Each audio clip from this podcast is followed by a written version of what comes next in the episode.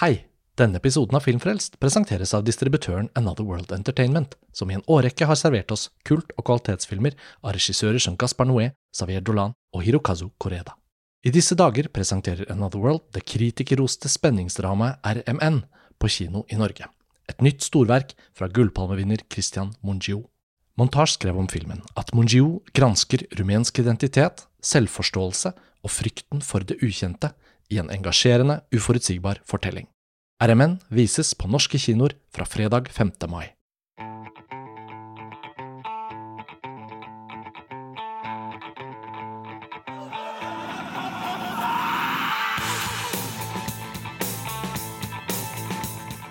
Hei og velkommen til en ny episode av Filmfrelst, podkasten fra filmtidsskriftet montasj.no.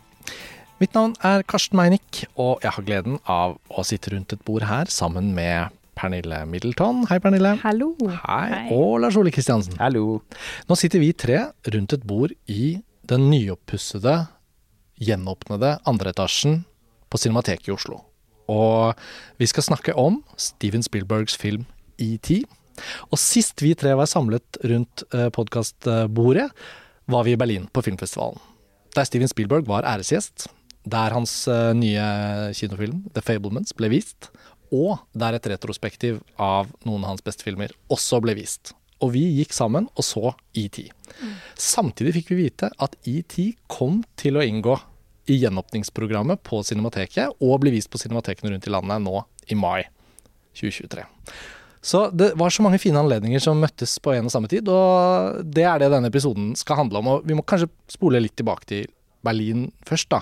For Steven Spielberg har jo virkelig vært i sesong, kan man ikke si det sånn, med The Fablemans og med denne fantastiske hyllesten i Berlin. Og han kom jo selv også. Jeg fikk ikke sett det, men dere var jo på pressekonferanse Det var det en stor, stor dag. Det var en stor dag. Ja. Og det hadde jo på en måte vært Spielberg-sesong ganske lenge. I, gjennom hele høsten så var han jo også favoritt til å vinne Oscar for beste regissør, og da få sin tredje Oscar. Det ville jo blitt sånn semihistorisk, Mm. og et veldig stort øyeblikk for eh, cinefile, men eh, det ble vi det ble vi frarøvet. Men til lykkeligere dager i februar, hvor det fortsatt var mulig. Ja. så var, Nei, men altså Nå var jo The Fablemans uh, en, en vidunderlig film, da. Så eh, han seilet jo på en sånn bølge, følte jeg, inn Mm. på Berlinalen. Og den pressekonferansen er noe av det rarere jeg har vært med på, fordi følelsen av sånn ærefrykt Mm. var smurt så tjukt utover. Mm. Og alle journalistene ble barn. Ja, Mm. Å være i nærheten av noe som er så tilnærmet guddommelig på en måte i vår verden, da, i vår cinefile verden. Og jeg har, aldri, jeg har vært på en del av de pressekonferansene både i Berlin og Venezia, og sånt, men aldri har jeg sett så mange hender i været Nei. hele tiden. Altså, og bare Ingen ville at det skulle slutte. Jeg er sikker på at hvis ingen hadde kasta oss ut, så hadde vi sittet der i ti timer, liksom. Ja, det tror jeg. Og Spielberg eh, tok jo selv initiativ til å utvide seansen med 20 minutter. Ja, han kosa seg. bare- Ja, han kosa seg veldig, og bare Nei, kom igjen, vi kan sitte litt til. Videoene dere sendte var jo faktisk også i stand til å overføre noe av den stemningen. For jeg har Ja. jo vært publikum til noen videoer fra de pressekonferansene før. Mm. Vært på en del, ikke like mange som dere. Men det var, eh, det var så påfallende at ja, selvfølgelig, han er jo den enormt viktige filmskaperen, på en måte. Men pga.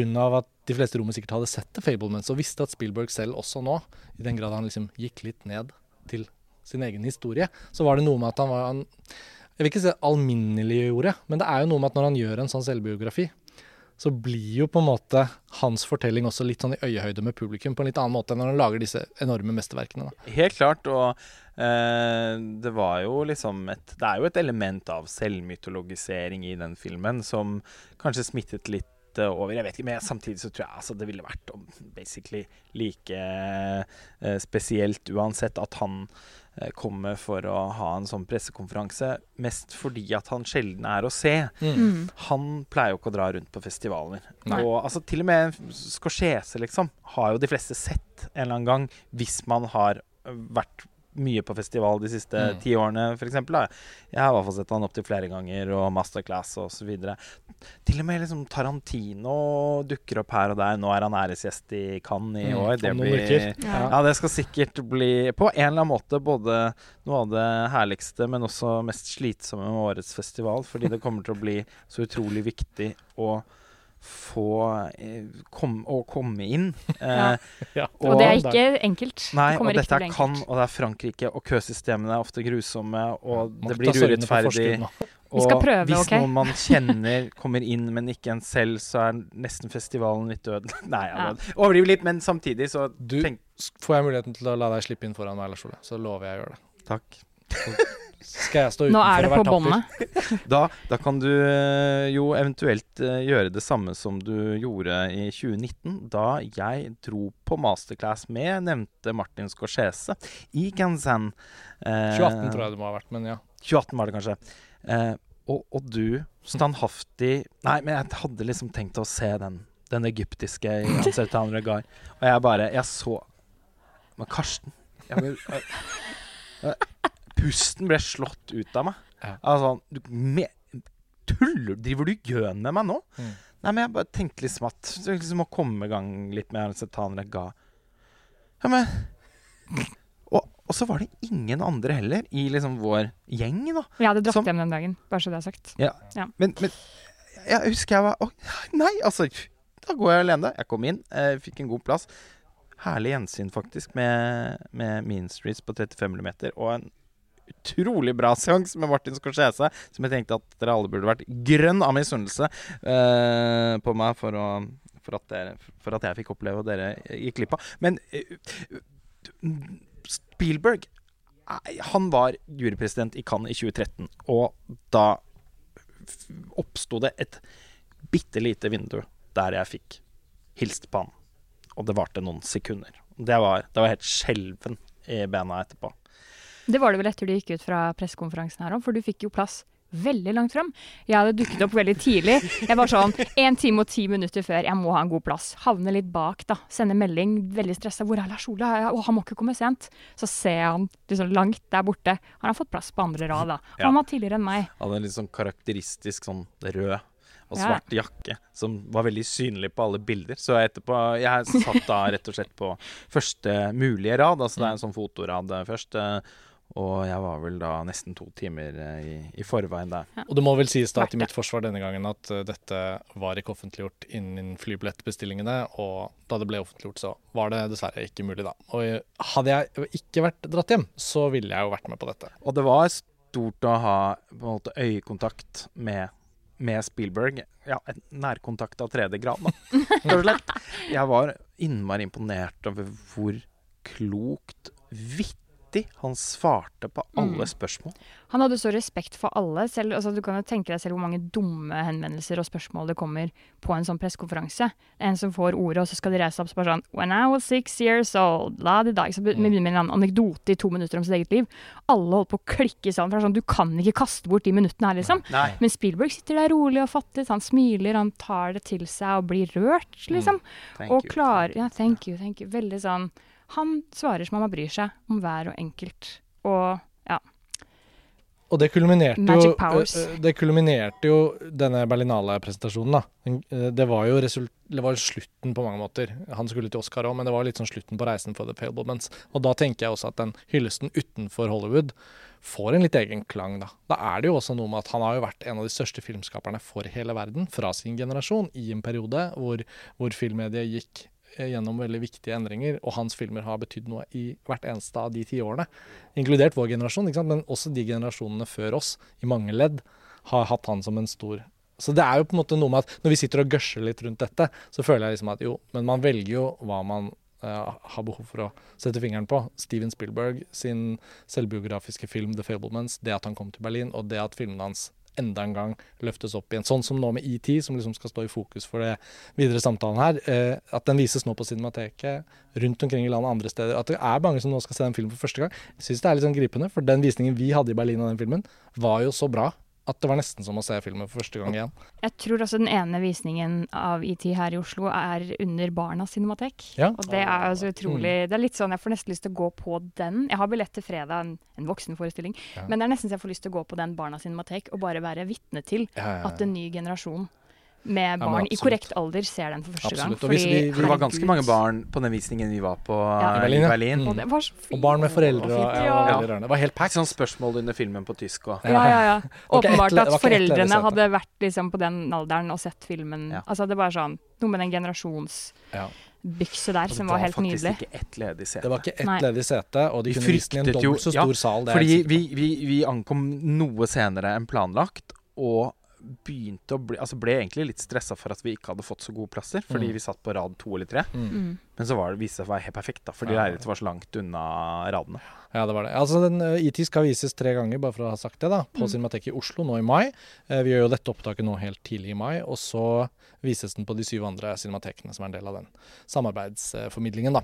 Sånn at IT trenger jo heller ikke noen voldsomt detaljert presentasjon til lytterne, i den grad den er jo en av de mest berømte filmene i filmhistorien. Jeg tenk, tenkte Men- over det på vei hit. Bare sånn, Hva nytt kan man Ja, det si det. om ET, Ja, det var derfor jeg altså føler at rammene rundt hvordan vi nå har gjennom... en av de verste oppgavene tror jeg man kan få Ja.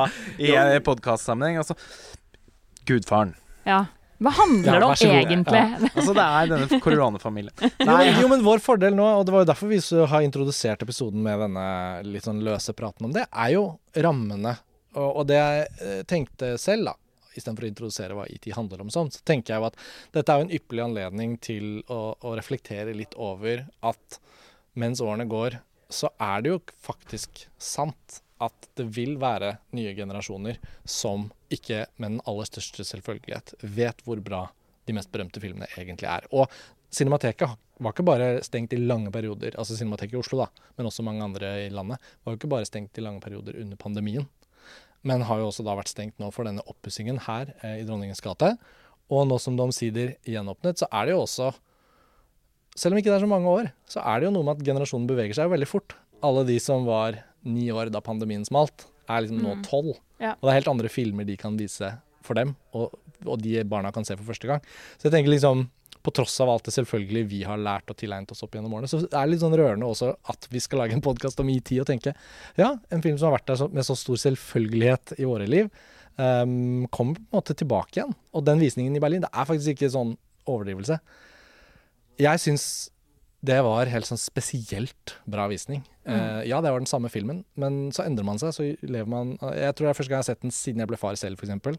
Og mye av tematikken i filmen er på en måte uh, litt på tvers av generasjoner òg. Den skildringen av familielivet der, og, og det å få en venn når man er barn, som kanskje er da en imaginær venn, eller et kosedyr, eller noe som liksom ikke faktisk er en av søsknene dine, eller en av de menneskene du kjenner, men som IT da symboliserer her, uh, et vesen. Jeg bare, ja, Den traff meg på en litt annen måte. Og så var det jo bare, ja, det var teknisk, og, og vi var sammen. Det var bare noe med den visningen som var så fantastisk. Jeg er helt sikker på at det kommer til å bli lignende gode forhold under visningene nå rundt omkring i Norge. da. Så derfor er det hyggelig å trekke fram IT, selv om vi ikke kan introdusere den på en original måte. Jeg er helt enig med deg eh, i hvor spesiell den visningen opplevdes. For meg personlig så var det første gang jeg så den på kino. Altså jeg Mm. har bare sett den på TV hjemme. Mm, mm. Uh, og i motsetning til kanskje dere og mange andre som jeg misunner, så fikk ikke jeg IT som barn. Jeg har ikke sett den da jeg var seks, syv, eh, åtte-ni år, liksom.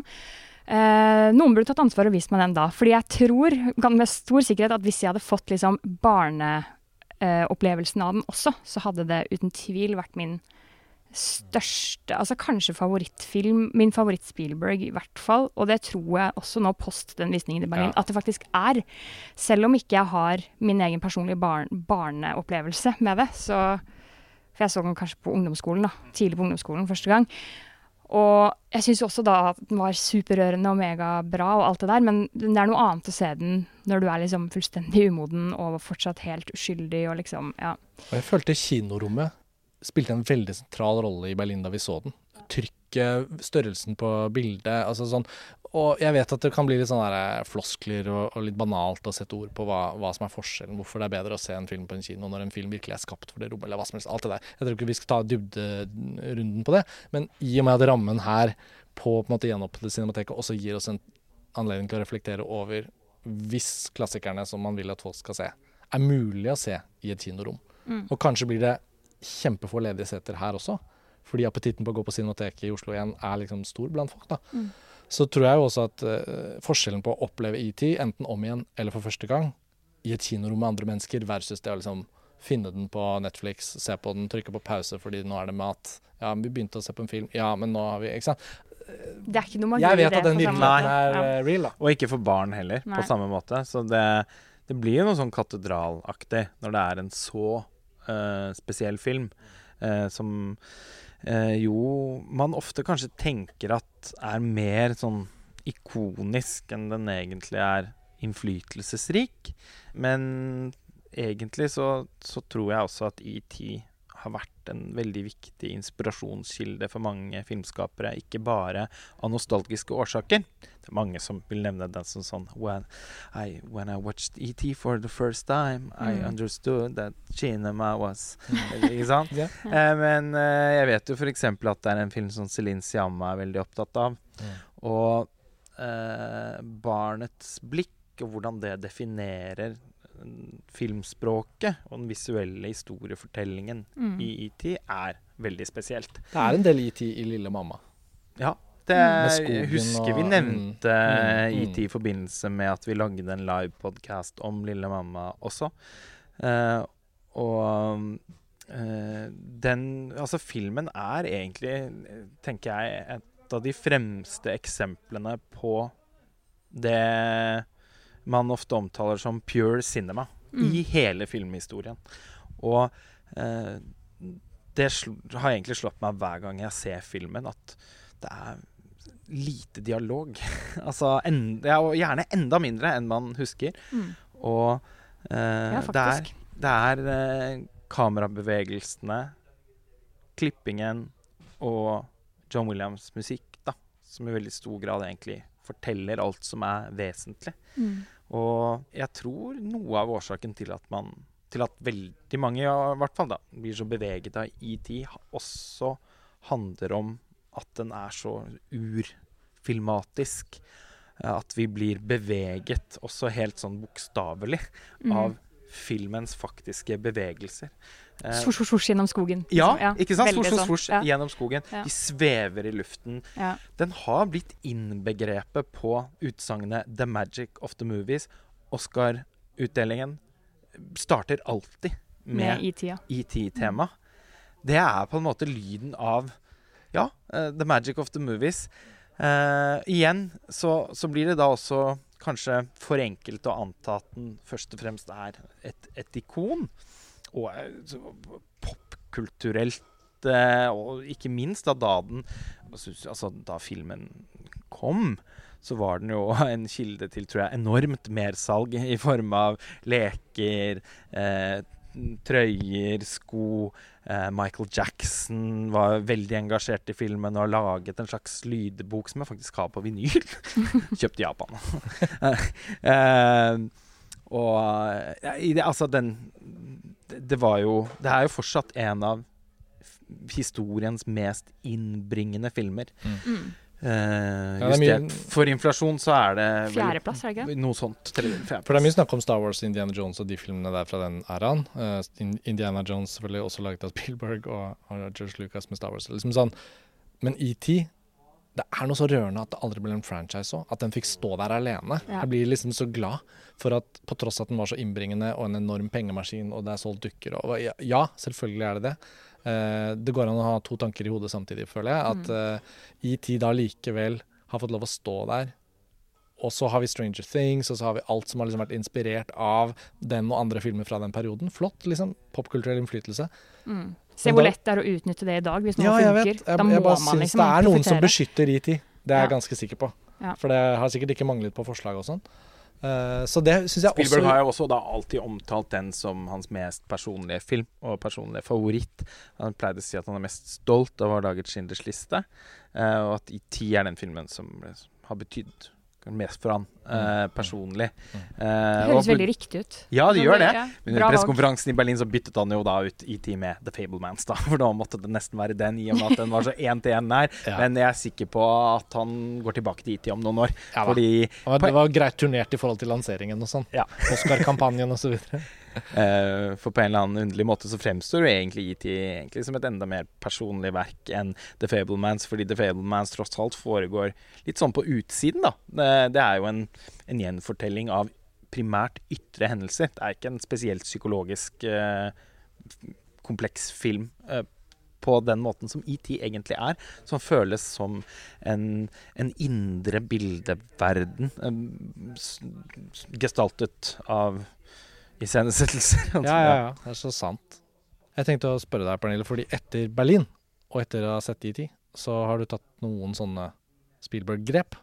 Jeg Eh, tatt et par Spielberg-grep. tok ja. gjensyn med Fablemans. Jeg tok gjensyn. Ja, det gjorde jeg. Åssen var det? Eh, veldig stort. Altså, jeg har jo sett den tre ganger siden Ja, jeg så den litt sånn tidlig eh, før den kom ut på et sånt filmtreff. Eh, og i, fra den perioden til nå så har jeg rukket å se den tre ganger. Og syns for, fortsatt at den er bare helt fantastisk dritbra. Og, og det er så mye som stemmer i den filmen, og, og det kunne vi liksom gått eh, langt inn i nå, men Mm. jeg skal ikke gjøre det. Vi fikk jo laget en annen episode Ja. om The Fablemans, hvor vi snakket om den filmen veldig spesifikt, men nå har vi jo muligheten til å flyte litt mer ut med Spielberg og sånn. Men det var bare det noe var, veldig der var det jo liksom blande meninger om filmen, og Ja. det er mitt inntrykk at det på en måte er òg. Men hvis Ja. man er Spielberg-fan, så er det jo veldig mye som skal til da, for å ikke bli eh, Ja. svært eh, betatt og grepet av den. Det er ikke det. Altså, jeg vil jo anse meg selv som en Spielberg-fan. Kanskje ikke på lik linje med deg, men veldig stor.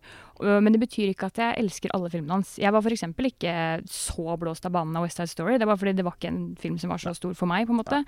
Uh, og så jeg mine problemer med War Horse og Bridge of Spice og de som kanskje folk ikke er så begeistret for. Det er vel ikke de filmene som har flest som, som, som flest ser minst én gang i året. Ja. Men vi var helt i skyene, alle vi her Av på The. Post. Post. Ja. Og Ready Player One. Ja. Det er godt Den- den dokumentert i, double- i, Ja, ja. i Filmfrelst-arkivet. Ja. Men altså den double whammien eh, der, Ja. det var egentlig et comeback da, etter ganske mange litt stuss, eller undervel, år med litt til underveldende filmer. i all, i all ære, ikke sant. Det blir, og SVK, det var noe det, Ja. Spielberg Jeg syns Kingdom Spielberg of the Crystal aller, ja, jeg synes Spielberg sin aller gjeveste periode er uh, Altså, han har hatt så mange faser. Mange bra perioder. Ja, men ikke sant, du har på en måte Han, han er jo med på å et, på liksom igangsette på en måte New Hollywood og Mm. en mer autørstyrt uh, amerikansk film på høye budsjetter. Mm. Og, eh, men skaper jo da også blockbusteren med 'High Summer'. Og så har jo Spielberg på en måte en sånn blockbuster-fase. Etter dagens standard så er jo altså, nærkontakt av tredje grad er jo egentlig bare en veldig komplisert eh, Altså et komplekst, ja, komplekst psykologisk drama, først og fremst. Og tøvverk på stort budsjett. Eh, men liksom Men Indiana Jones-trilogien, ET blir jo helt enormt svær. Og så kommer Jurassic liksom oppi der òg. Ja, og så øh, den teknologiske innovasjonen som foregår i Jurassic Park, eh, er jo av filmhistorisk kaliber. Mm. Men vi hopper litt mellom faser nå, da. For det er noe purpurfargen always og sånn. Ja, det er en liten sånn Amistad og mm, Ja, det er litt senere. Amistad Ja, ja, ja, senere. ja, ja. Den bryt, eh, bidrar til å bryte det Nei, det kunne ikke vært en gullrekke, egentlig, fordi Spielberg har hatt noen som dupper hele tida. Mm. Så kommer en hook, og så kommer en det er litt sånn sjarm i filmografien fra det òg. Helt klart. Men uh, samme år som han lager Jurassic Park, så lager han jo også Schindlers liste, da. Så er jo det Det skal jo på en måte ikke gå an. Det Oscar-året der var det ikke mange priser som ikke gikk til Spielberg-filmer. For å si det sånn. Eh, nei, og det skal ikke gå an, og det har vi jo snakket om så mange ganger på Filmfrelst. Så skulle det gått an Ja, da, i tid da. Men eh, ja. Men det er lenge siden vi har hatt den, den, den store Spielberg-episoden vi lagde en gang. Det er jo så lenge siden nå at eh, om vi repeterer oss selv, så er det jo sikkert ingen som hørte på den i går. Nei, og uh, så uh, på en måte følger han jo opp litt eh, det, hvis, hvis han har et prosjekt om å lage noen histori viktige historiske filmer. Mm. Så etter den lille, lille nedturen med Amistad, så kommer han jo sterkt tilbake med 'Saving Pride Brian' og vinner sin andre Oscar for beste regi. Og så er det, tar han faktisk en liten pause. Og så kommer min favorittepoke i Spielberg sin karriere. Som er de årene hvor han lager på, Altså, de, disse filmene blir lansert nesten sånn etter hverandre, i, med bare noen måneder mellom hver film.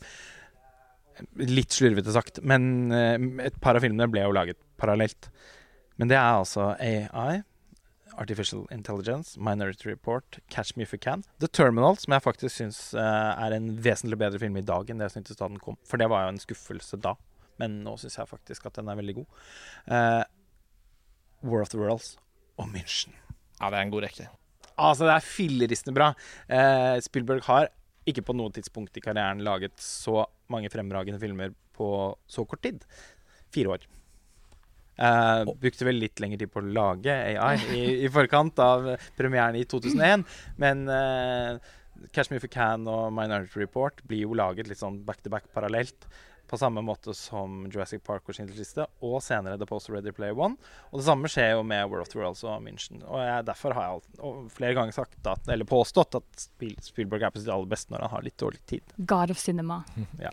Men var det, noe ja, Nei, jeg bare tenkte på det som du, siden du eh, nå har kategorisert han så fint med eh, epokene og periodene som han har innenfor sin egen filmografi, så bare begynte jeg å tenke over sånn hvor heldige vi er som vi som lever nå, vi som er voksne nå og har vokst opp med eh, Vi har levd gjennom flere av disse periodene. Mm. Ikke bare har han eh, gjort seg bemerket og vært viktig for eh, vår generasjons barndom og liksom satt spor og gjort mange av oss til filmelskere, på en måte, men han har også Jurassic Park var jo favorittfilmen min gjennom på en måte hele barneskolen. Ikke sant? Og Så hva ville, ja, hva ville Spielberg vært Eller hva ville, hva ville barndommen deres vært uten Spielberg? på en måte? Mm. Det er jo, Man kan jo stille seg det spørsmålet. Mm. Og så blir han med inn i ungdommen og gjøre alle disse tingene som du ramset opp nå på starten av 2000-tallet. Ja, og det, og det var jo da jeg var i min sånn første sånn, sånn veldig intenst filminteresserte fase, da. Så videregående, basically. Men så stopper det ikke der. For det er også jævlig gøy å være fan av Steven Spielberg som voksen. Mm. Fordi eh, jeg må innrømme at jeg hadde mista ganske stor tro etter å ha sett da Warhorse, Bridge of Spice, og tenkt litt sånn Mm.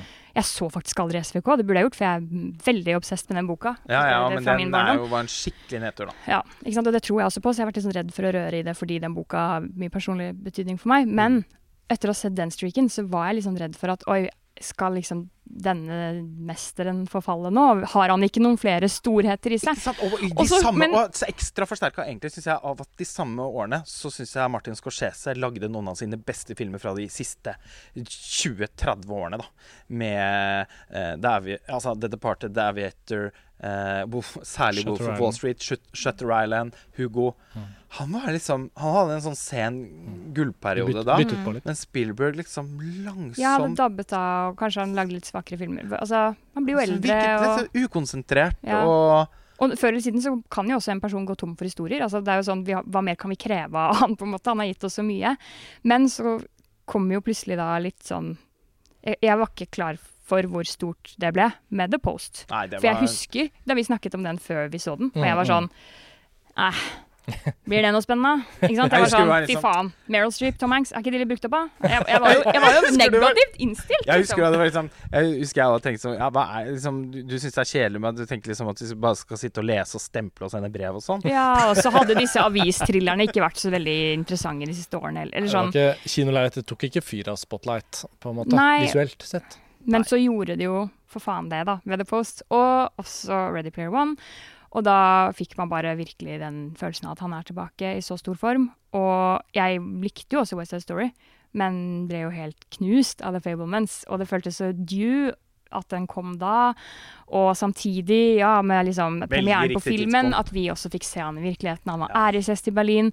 Det var liksom alt lå Det var liksom written in the stars litt, da. Og så, idet du kom hjem fra festivalen, kom- tok ja. et gjensyn med The Failed Mans, så kostet det også da på deg å se Artificial Intelligence for første gang. ja, For den har liksom vært ditt sånn store Spielberg-hull. Ja, det har vært mitt aller største. og du vet jo da at det er jo min Spielberg-favoritt, da. Mm. Altså AI og ET. Som også har- gjort meg litt nervøs for å se den. Bare fordi jeg vet at det er din nummer én. på en måte Så jeg Mm. føler at det ligger jo veldig mye sånn Ja, forventninger Ja. til det, liksom. ja, ja. Jeg Nå må du levere. Litt, uh, Litt. krevende og eh, skal Nei, men altså Ja. Men AI og ET, da, de to Ja. eh, forkortelsestitlene Mm. i Spielberg-filmografien, de har vært mine favoritter i på en måte hele mitt voksne liv, da. Men da er det jo jeg som har lengst avstand til et uh, møte med AI, så nå er jeg jo ganske nysgjerrig da, på hvordan du opplevde den filmen.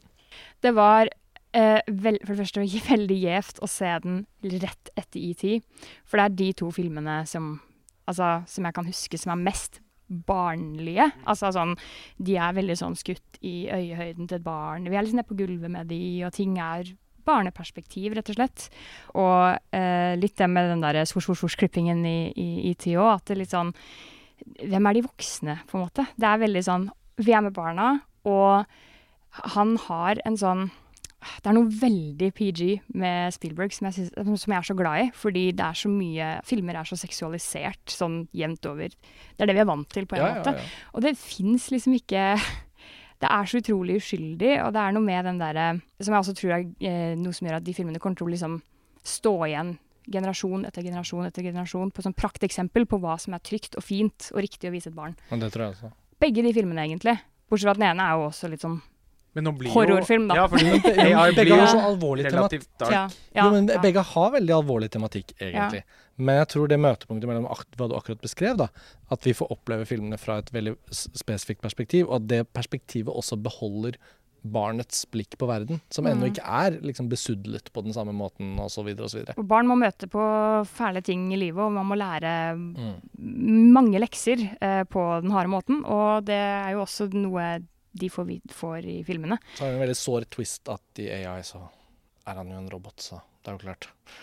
Det Men det føler man ikke når Nei, man ser vet, den. Men det er jo det som Nei, også er det så er det utrolig er gripende så- eh, å tenke på, da. Så fælt, da, med Ja. filmen. eh, Ja. Når, når man egentlig ser at det begynner å oppstå en tilknytning mellom han og moren, og det egentlig på en måte går bedre, men så Ja. er det bare én sånn hendelse som blir veldig uheldig, Ja. som gjør at han blir satt ut i skogen, Mm. som i et eventyr av Brødrene Grim. Mm. Men det er jo Pinocchio, på Ja. en måte, da.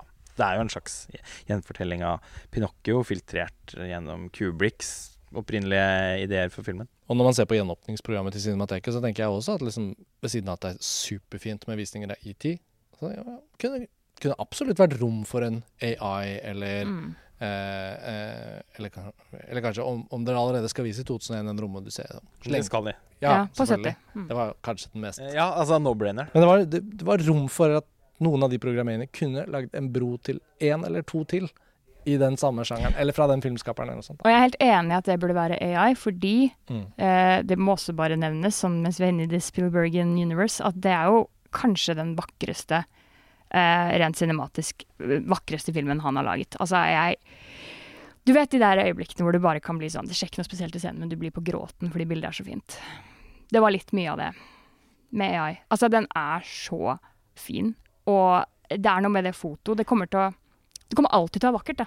Ja, Det går ikke ut på dato. Nei, den ser ikke datert ut. eh, Og det samme er ET, da, som er Mm. 40 år, Mm. og som vi nå nettopp har sett. Og det, det er ingenting som føles liksom datert eller Den Det ser bare helt den. nydelig ut. Altså, det er jo Davieux. sjarmerende CGI når romskipet kommer og drar, Ja, men ja. liksom, det gjør jo ikke noe, fordi alt annet er løst på så sykt bra, praktisk og ekte måte, da.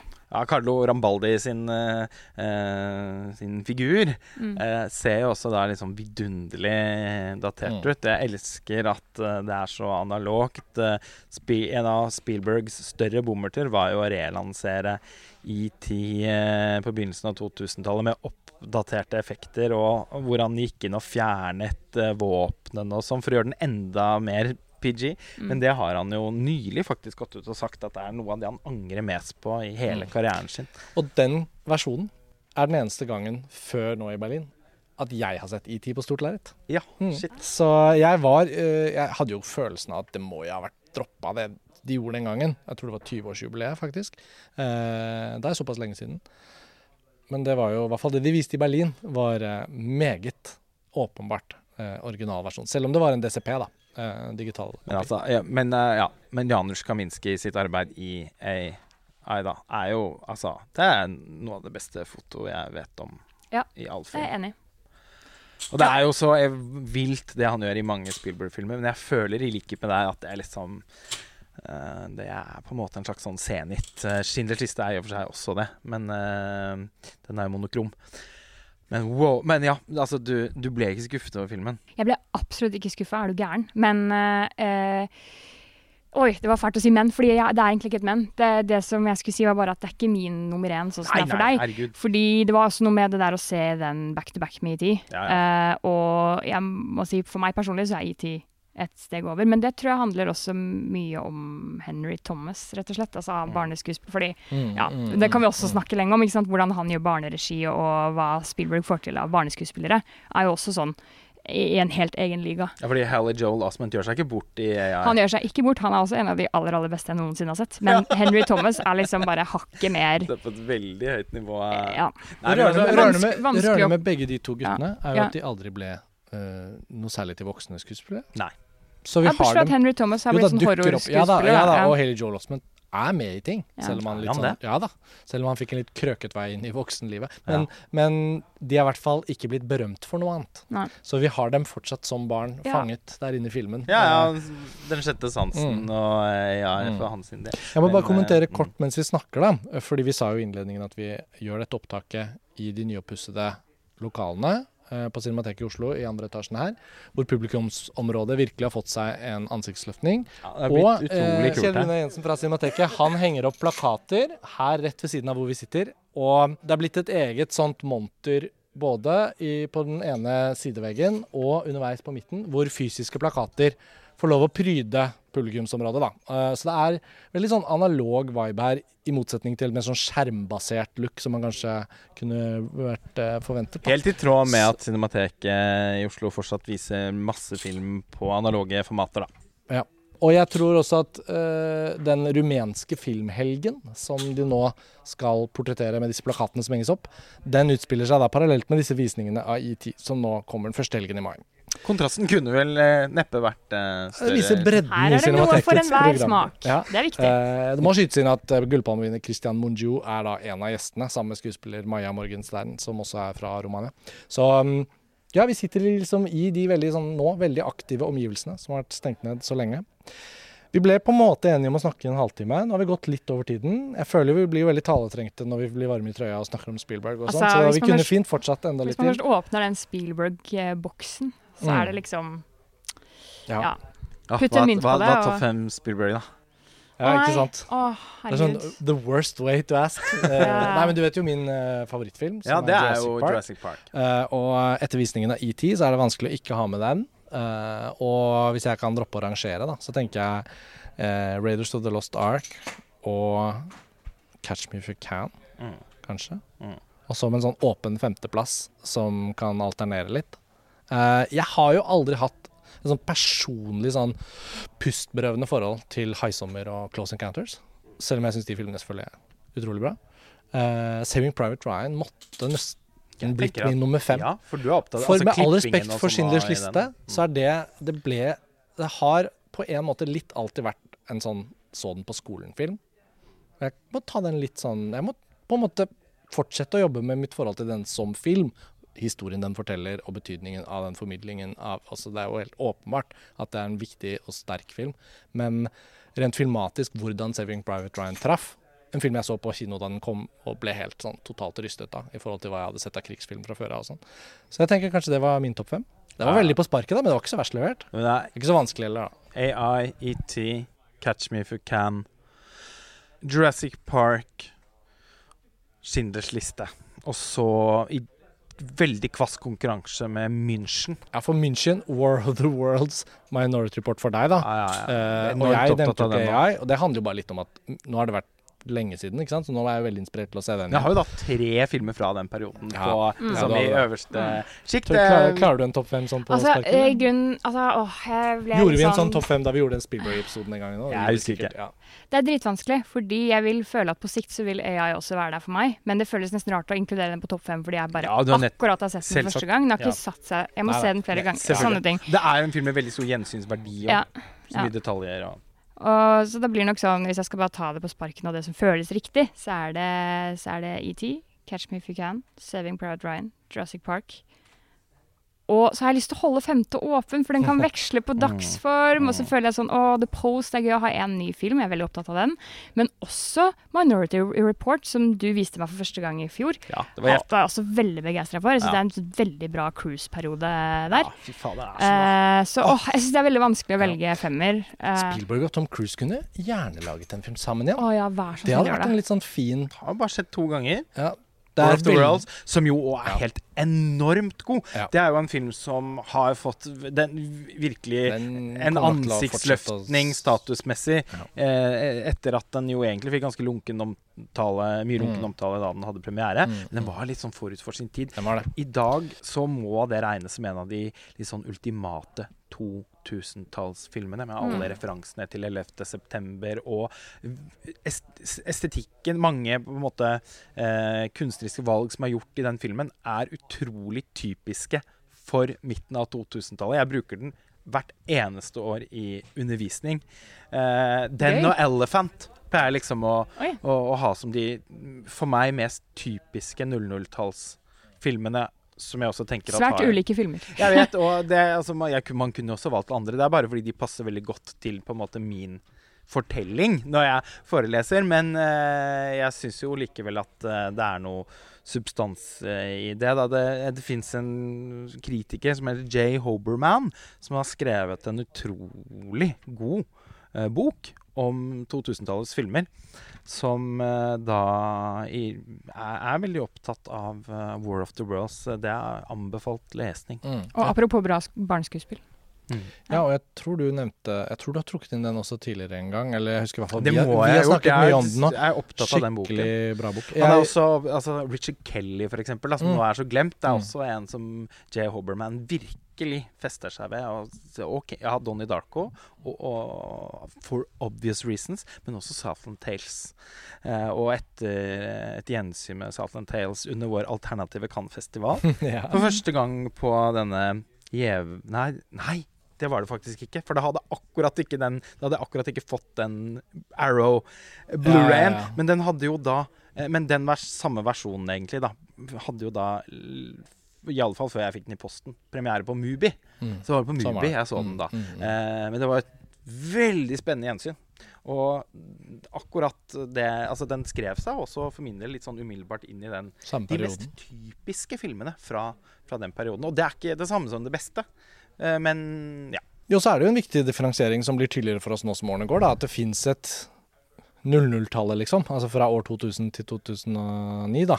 Og så er det 2010 til 2019, og så er vi over i 2020 til hvor, Det hvor begynner, å enn vi er på vei. det begynner å bli såpass lenge siden Så at det har sin egen look. Ja, det begynner å snakke veldig om sine egne tiår og sånn. Det kunne vært veldig spennende hvis vi neste gang vi har Spielberg på blokka, så er det jo også noe med at den perioden du snakker om, Lars Ole, som, som går på noen få år, der er det også mulig å trekke inn det Spielberg gjorde, og s- sette det side om side med type Southland Tales og ting som skjedde der. Så du er inne på noe. ja. Nå fikk jeg lyst til å si noe annet òg. Fordi jeg har jo ganske nylig kommet hjem, eh, hjem fra eh, Japan. Ja, må ikke misforstås med den turen som vi portretterte i en Filmfrelst-episode før jul. Dette var en, en ny tur. Men eh, eh, da blir det jo gjerne litt in-flight entertainments. Og jeg har eh, ganske sånn noen tydelige retningslinjer der. Altså jeg ser stort sett bare filmer som jeg ellers ikke ville sett, og som på en eller annen måte eh, og Av og til så føler man jo at man Vi cherrypicker jo så veldig, fordi vi er så filminteresserte. Og montasje har en viss profil, sånn jf. hvilke filmer vi velger å omtale og sånn også. Så, så det blir jo gjerne noen sånn mainstream-ting Som faller utenfor. som faller utenfor, men som jo eh, også gjør at man av og til står litt sånn i fare for å ikke være helt i kontakt med hva folk ser på. Eh, så da valgte jeg meg blant annet en, en ny romantisk komedie med George Clooney og Julia Roberts. Fa- Er det den 'Ticket to Paradise'? Ja, det var den. Eh, Den har ikke jeg det var, var så lenge siden jeg hadde sett de i Ja. filmer. Ja. Eh, så det ble vel på en måte min ticket. Eh, det, ja, det, jeg lo ikke det en gang, og jeg ble ikke rørt. eh, men på en eller annen måte så syns jeg det var noe litt sånn gammeldags underholdende ved den filmen som gjorde at jeg ikke slo den av. Ja. Men det jeg egentlig skulle fram til, var at eh, en annen film jeg valgte meg som Inflight Entertainment, det var Yes Man fra 2008. Med Jim Ja, Carrey og Jim Zoe. Carrey, Ja. Og det var uh, veldig hyggelig å se Zoe Deschanel igjen. Hun har jo føltes jo ut som en og it-person som forsvant. Mm. For øvrig datteren da til den fantastiske fotografen Caleb Deschanel. Um, Jeg satt bare og ventet på hva du skulle ja, si om Yes altså, Man. seg, jo, ja, fordi, For den har jeg også sett. ja, for det var, det, det var jo den som var årsaken til at jeg hadde en slags liten epilog her. 2000-tallet. Ja, Ja. ja, den var interessant. Det må jeg si. Jeg, synes, jeg ble positivt overrasket over den filmen. Eh, Jeg syns den var ganske morsom. Eh, Men mest av alt så tenkte jeg at dette er uhyre interessant som en presosiale medier-film. 2008 er jo året der verden får Facebook og Instagram. Og ikke minst får det i hånda. Ja. Altså, Så- så- med, med iPhone. Og, og verden blir aldri det samme igjen. Men his, historien, konseptet her, ligner jo på en måte egentlig en challenge eh, fra et sosialt medium. Egentlig så var jo den filmen litt som Nerve, Ja, det var som vi du så i Haugesund som er så i gjev. 2016. Ja, Mm. og som jo var en veldig eh, smart og kul eh, film om ja, på en måte faren ved, ved litt sånn hjernevasking i, i, i, i sosiale medier, som man jo dessverre ser flere og flere eksempler på fra virkeligheten, særlig etter TikToks frem, fremganger. Uh, men ja, nei, det, jeg, har ikke noe, jeg har ikke rukket å reflektere så mye over den in-flight-opplevelsen. Men Men du tok en reise fra to, tidlig 2000-talls definisjonspraten.